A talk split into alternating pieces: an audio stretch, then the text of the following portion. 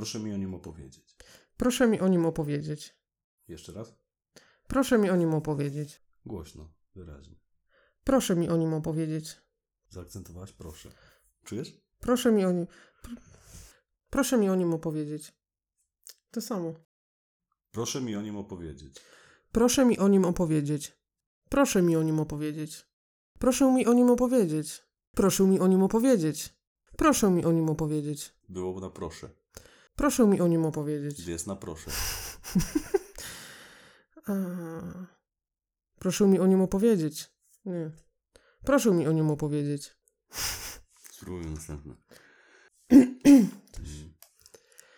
Nie powinnam panu tego mówić, ale powiem. Weryfikuję. Weryfikuję. Zacięłam się. A, to jest znak zapytania. Miało być tak ładnie, miało być na dwa głosy. Chyba jeszcze nie tym razem.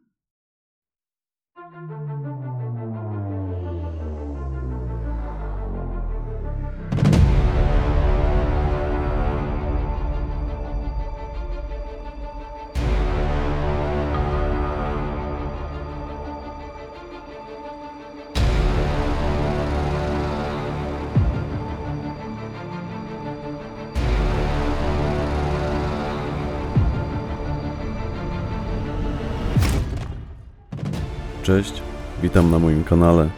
Ja mam na imię Piotrek i zapraszam Cię serdecznie do odsłuchania jednego z odcinków mojej audycji pod tytułem Stenogramy zbrodni.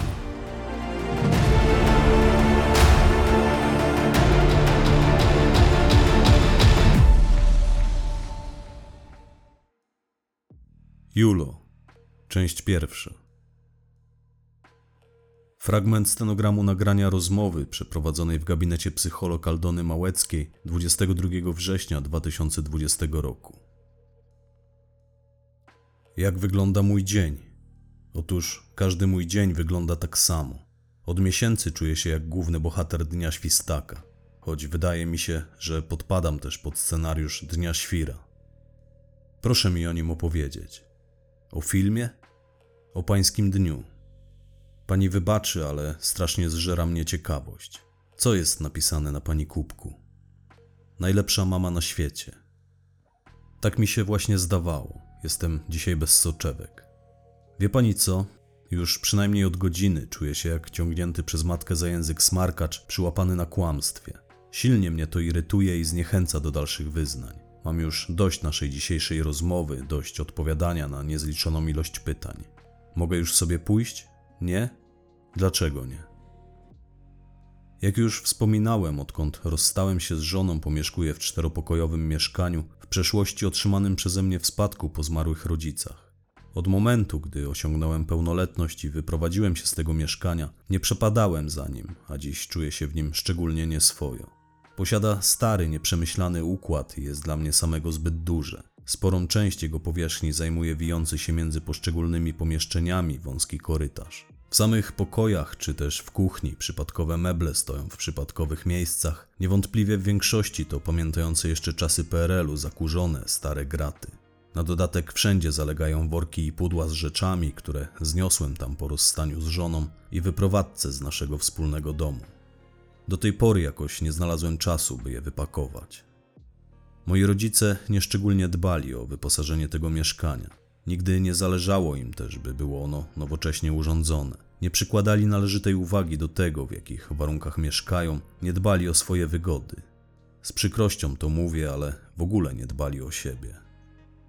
Z reguły byli skupieni wyłącznie na swojej pracy i pomocy innym ludziom. Zanim jakiś czas temu ponownie się do niego wprowadziłem, wraz z moją byłą już żoną wynajmowaliśmy to mieszkanie znajomej parze z dwójką dorastających dzieci. W najśmielszych snach nie przewidziałbym wtedy, że na stare lata przyjdzie mi się z nim przeprosić, lecz trudno. Wciąż odczuwam potrzebę wyniesienia się z niego, z miesiąca na miesiąc coraz większą, choć świadomie odwlekam przeprowadzkę. A zresztą, dokąd miałbym dzisiaj pójść? Sypiam na raty. Najpierw śpię najwyżej dwie godziny, później przez kilka godzin leżę walcząc z nieznośnym mrowieniem pod ciężkimi jak zołowiu powiekami. Bywa, że zapalam wtedy światło i czytam jakieś stare gazety, czasopisma wędkarskie lub akta prowadzonych przeze mnie postępowań. Czasami rozwiązuję też krzyżówki albo włączam laptop i oglądam jakiś film. Dosypiam dopiero nad ranem. Gdy na dźwięk budzika muszę podnieść się z łóżka, czuję się bardziej zmęczony niż byłem wtedy, zanim się położyłem. Powtarza się to praktycznie każdej nocy, a nasila zimą. Przynajmniej ostatnią zimę wspominam wyjątkowo źle. A gdy pan tak leży, przeklinając swoją bezsenność, gnębią pana wtedy jakieś natrętne myśli? Oczywiście, bezustannie. Napominają się panu przy tym jakieś obrazy? Z reguły wciąż te same. Wrócimy do tego. Proszę mówić dalej. Tak jak wspomniałem, na natrętny dźwięk budzika niechętnie podnoszę się z łóżka i mamrocząc pod nosem z niezadowolenia, jak to mam w zwyczaju, pokręconym korytarzem udaję się w stronę łazienki. Ze względu na dysfunkcję lewego kolana niezgrabnie kuśtykam, opierając się o jego ściany. Po skorzystaniu z toalety obmywam ręce i twarz zimną wodą, szczotkuję zęby, po czym stojąc wyprostowany przed wiszącym nad umywalką lustrem, przez chwilę patrzę w swoje odbicie. To już taki mój rytuał. Co wtedy pan widzi? Widzę szczupłą i wysoką, mógłbym nawet pokusić się o stwierdzenie, że tyczkowatą sylwetkę mocno dojrzałego mężczyzny. Przeszłości chciałem wzmocnić tężyznę. Chodziłem swego czasu na siłownię, regularnie korzystałem z pływalni, starałem się przesiąść z auta na rower, wzbogacałem dietę, ale moje wysiłki w tym temacie spełzły na niczym.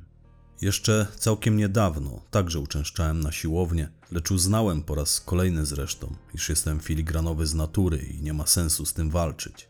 Poza tym, co to za siłownia, na której jest więcej luster niż przyrządów? Dobrze, że jest pan tak wylewny, lecz proszę odpowiadać na moje pytania bez dygresji. Co jeszcze pan widzi w swoim lustrze? Widzę w nim twarz wciąż przystojnego faceta. Później, opierając się o umywalkę, przybliżam do niego głowę i spoglądam z bliska na swój prosty, długi nos, lekko zapadłe policzki, wystającą grdykę i pokryte niewielkimi jak na mój wiek zmarszczkami czoło. Zanim opuszczę toaletę, przez chwilę przyglądam się też pokrywającym sporą część mojej klatki piersiowej i sięgającym aż szyi grubym bliznom. Regularnie nacieram je żelem silikonowym, choć nie przynosi to żadnych rezultatów. Chyba już przestałem się łudzić, że kiedykolwiek się ich pozbędę. W tej materii na nic zdała się również rosyjska maź ze złotem, którą jakiś czas temu nabyłem na dworcu świebockim za równowartość prawie połowy mojej pensji.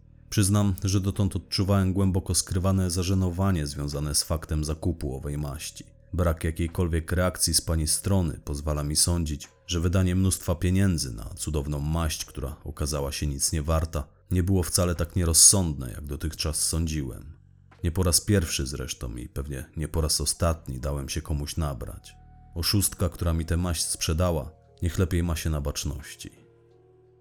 Następnie wracam do sypialni i przysiadając na rogu łóżka ubieram leżące obok na krześle, ułożone w idealną kostkę, niebieskie jeansowe spodnie i popielatą koszulę. Nie lubi pan wyróżniać się z tłumu. Nie lubię, nigdy nie lubiłem. Lecz jeśli o tłum pani pyta, to już dawno temu odkryłem, że przebywanie w nim nieoczekiwanie przynosi mi spokój, chwilę odprężenia. Zapominam w nim o swoich troskach, o dysfunkcji kolana. Co dziwi nawet mnie samego, lubię przebywać w żywym tłumie. Być może powodem jest to, że często obcuję z nieboszczykami. Pewnie uzna mnie pani za dziwaka, ale trudno. W trakcie spaceru przejściem podziemnym prowadzącym wzdłuż Świdnickiej do rynku czasami zatrzymuję się na chwilę, by pozwolić wyprzedzić się idącym za mną ludziom.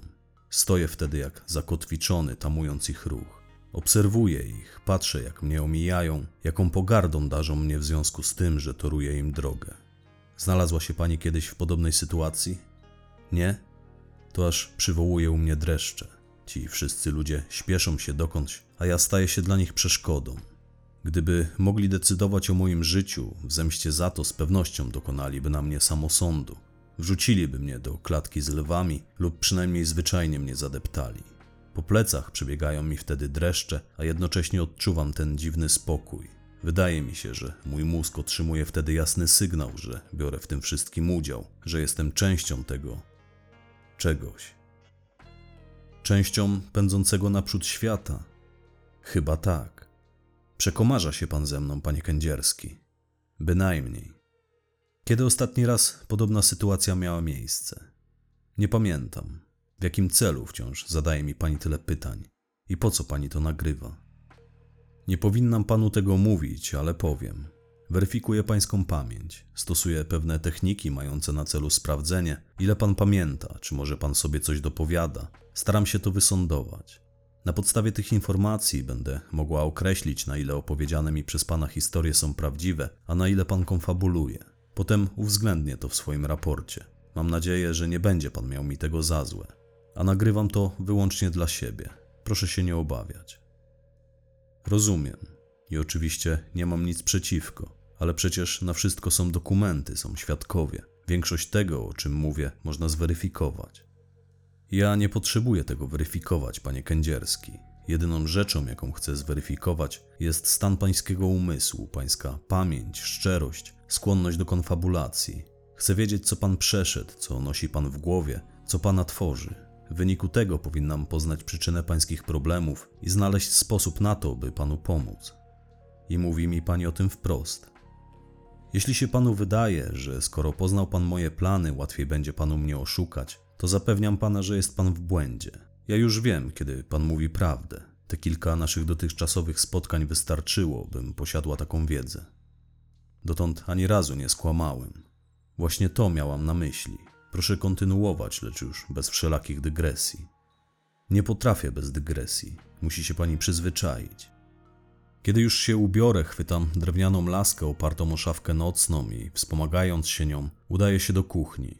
Tam nalewam wody do emaliowanego czajnika, zakrywam jego wlew gwizdkiem i stawiam go na gazowej kuchence, po czym jak zwykle przez kolejnych kilka minut szukam po kuchni tych cholernych zapałek. Następnie wyjmuję z kredensu przywieziony przed laty z wakacji w Maroku bogato zdobiony ręczny młynek do kawy i wsypuję do niego jej ziarna.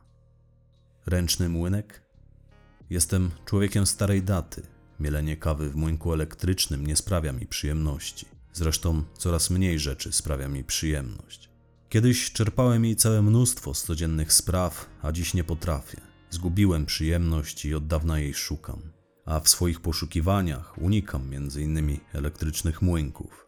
Poza tym mielenie kawy w takim młynku brutalnie siecze ziarna i pozbawia przygotowany w ten sposób napój aromatu. Nie ma nic gorszego o poranku niż kiepska kawa, pusta paczka po fajkach lub niezapowiedziany gość, jak na przykład udar mózgu.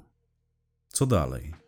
Kolejną czynnością jest odnalezienie w szufladzie wyłożonej kraciastą ceratą odpowiedniej łyżeczki, w tych plastikowych przegródkach, które służyć mają segregacji sztućców. Domyślam się, o jakich przegródkach pan mówi. Więc powinna pani mieć świadomość, że tam zawsze panuje chaos. Wbrew temu, co zapewne pani sobie myśli, nie każda łyżeczka jest odpowiednia. Przede wszystkim powinna być stalowa, a w szufladach moich rodziców wciąż kryje się kilka aluminiowych. Dziwne, że późniejsi najemcy nie pozbyli się ich. Aluminium, jak wiadomo, jest szkodliwe. Może kiedyś znajdę czas, by je wszystkie odnaleźć i wyrzucić, choć jeśli do tej pory tego nie zrobiłem. Dobrze też byłoby, żeby łyżeczka była charakterystyczna, na przykład posiadała ornament. Jeśli już ma parzyć palce, to niech chociaż cieszy oko. A gdy już takową znajdę, do przygotowanej wcześniej filiżanki wsypuję trzy czubate łyżeczki kawy i szczyptę cukru. Odkąd poznałem jego smak, używam tylko cukru trzcinowego. Wiele osób twierdzi, że niczym nie różni się on od naszego z buraków, lecz ja wyczuwam sporą różnicę. Nie używam substytutów cukru, a tym bardziej paskudnych w smaku i drażniących gardło dietetycznych słodzików. Zresztą, jak po mnie widać, wcale nie muszę. I to jeden z plusów mojej natury. Wszelkie diety są mi zbędne. Minusem natomiast jest to, iż często miewam nagłe zawroty głowy. Niestety lekarze, którzy mnie badali, już dawno machnęli na to ręką. Gdy woda się zagotuje, zalewam nią kawę, dodaję odrobinę mleka oraz kilka kropel 30% śmietanki, czasami też łyżeczkę mleczka kokosowego. Potem mieszam. Miesza pan w określonym kierunku i określoną ilość razy, jak bohater wspomnianego przez pana filmu? Aż tak szalony nie jestem. Mieszam jak popadnie. Rozumiem. Proszę kontynuować. Biorąc ze sobą filiżankę, przychodzę o lasce do salonu. Tam opieram laskę o ścianę i w jednej ręce trzymając filiżankę, drugą chwytam oparcie stojącego w kącie krzesła. Niosąc je przed sobą, wychodzę na balkon, po czym trzymając moją chorą lewą nogę wyprostowaną w kolanie, opadam na nie i spędzam tak około kwadransa, popijając w tym czasie kawę. Myślę wtedy o tym, co już za mną, a co jeszcze przede mną. Czasami włączam w komórce radio i słucham porannych wiadomości. Wiem, że to nie na miejscu, że tak nie wypada, lecz moi sąsiedzi chyba już zdążyli się do tego przyzwyczaić.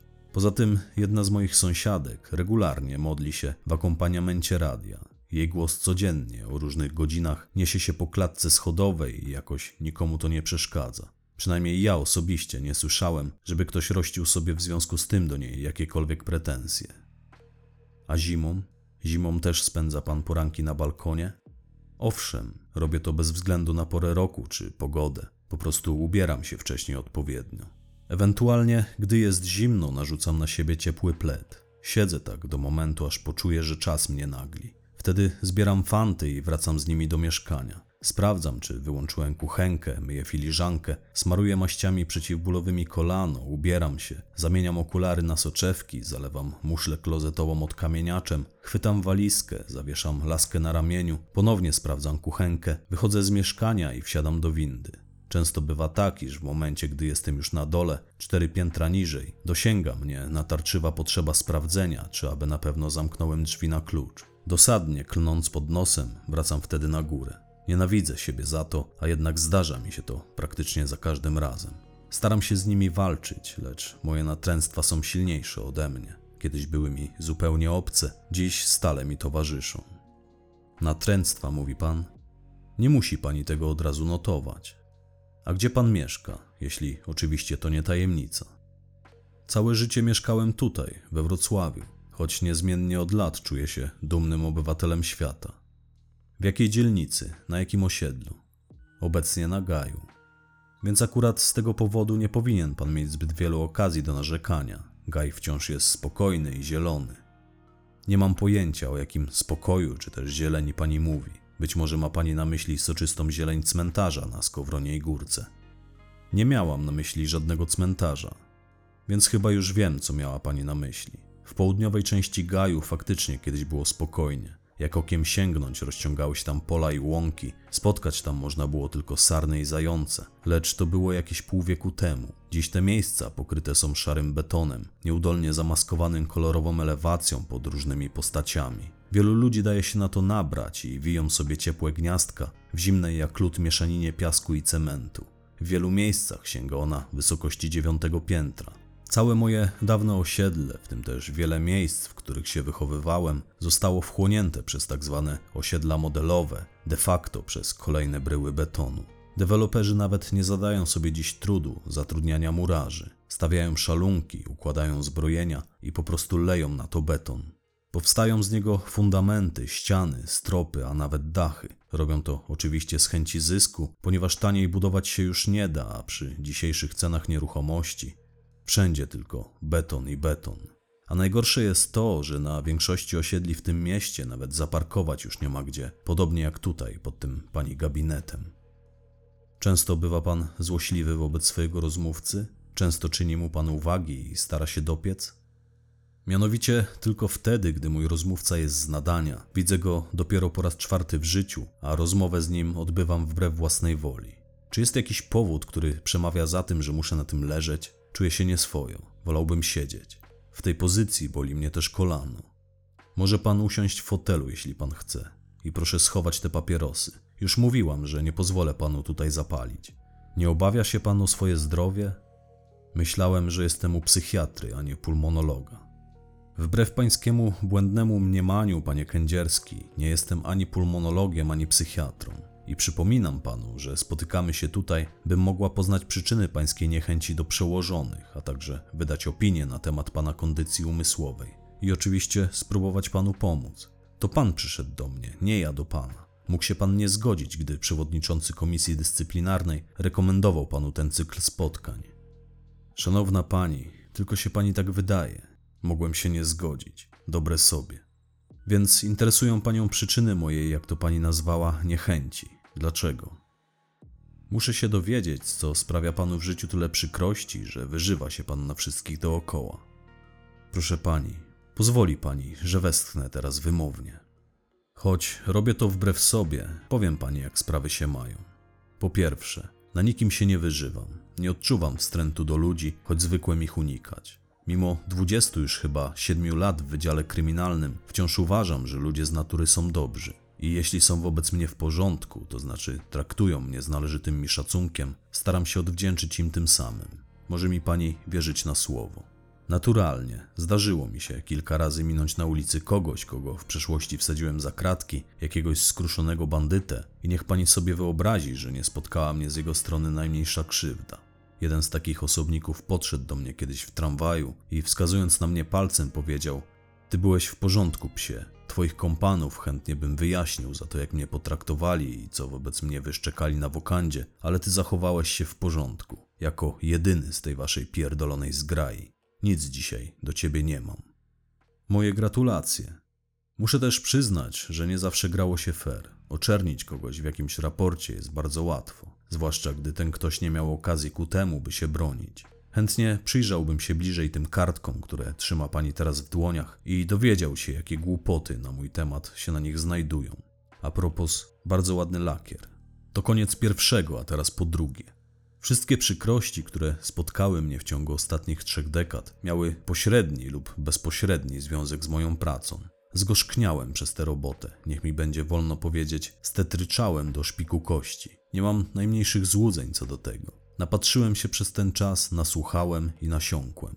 Zbrodnia to krew i łzy, brud i bałagan, rozpacz, trauma i walka z czasem, surowa, ponura rzeczywistość, nienawiść, miłość lub szaleństwo. Większość przestępców kieruje się wyłącznie chęcią zysku, a ci, którzy posuwają się przy tym do odebrania drugiemu człowiekowi życia, to najczęściej zwykłe szumowiny i afekciarze, pijani nożownicy, dusiciele, wieczne wzwody i tulipaniarze. Babrając się w tym przez tyle lat, ile ja się już babram, naprawdę można popaść w obłęd. Może mi pani wierzyć lub nie, ale każdy śledczy po kilku latach żmudnej pracy w kryminale myśli o przejściu do cywila. Ludzie pytają mnie, czemu ja do tej pory nie odszedłem ze służby.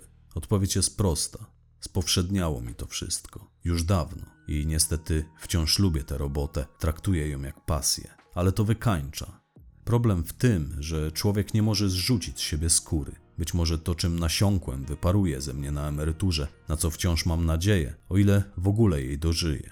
Wielu moich przyjaciół z komendy wojewódzkiej, bliższych i dalszych znajomych z innych komend, którzy zaczynali pracę w organach ścigania w podobnym czasie jak ja, nie poradziło sobie z tym i wąchają już kwiaty od spodu. Ja wciąż żyję i pracuję, więc nie jest chyba ze mną jeszcze tak źle, jak się wszystkim wydaje. W przeciwieństwie do niektórych staram się też nie obwiniać nikogo za swoje porażki. Z czym sobie nie poradzili? Może nie poradzili to złe wyrażenie. Wydaje mi się, że nie znaleźli właściwego sposobu na odreagowanie stresu związanego z tą pracą. A jak pan sobie radzi ze stresem? Jak pan stara się go odreagować? Zaskoczę panią. W moim przypadku lekarstwem nie są ani alkohol, ani prochy. Nie muszę poprawiać sobie samopoczucia za pomocą setki koloru czy szczypty kokainy, jak kilka znajomych mi osób. Wędkuję, robię to od lat, uwielbiam to robić i jestem w tym dobry, choć muszę przyznać, że w ostatnim czasie nie miałem ku temu zbyt wielu okazji, ale mam na swoim koncie kilka zwycięstw w ogólnopolskich zawodach. Gratuluję. Mam nadzieję, że znajdziemy kiedyś czas, by o tym porozmawiać. Z dokumentów, które mi dostarczono oraz z ankiety, którą na moją prośbę pan wypełnił, wynika, że na przestrzeni ostatnich miesięcy rozstał się pan z żoną, stracił kontakt z córką, popadł w konflikt ze swoim przełożonym, komendantem Jachymiakiem. To nie jest mój przełożony, to znaczy jest, ale nie bezpośrednio. W policji istnieje coś takiego jak droga służbowa i ona stanowi inaczej. Odkąd Jachymiak został komendantem wojewódzkim, nigdy mu się nie meldowałem. Pełniłem obowiązki przydzielone mi przez innych, zwykle za jego wiedzą i przemilczaną zgodą. I to on wywołał ten konflikt, nie ja. Zresztą znamy się od lat i jakoś nigdy nie połaliśmy do siebie sympatią.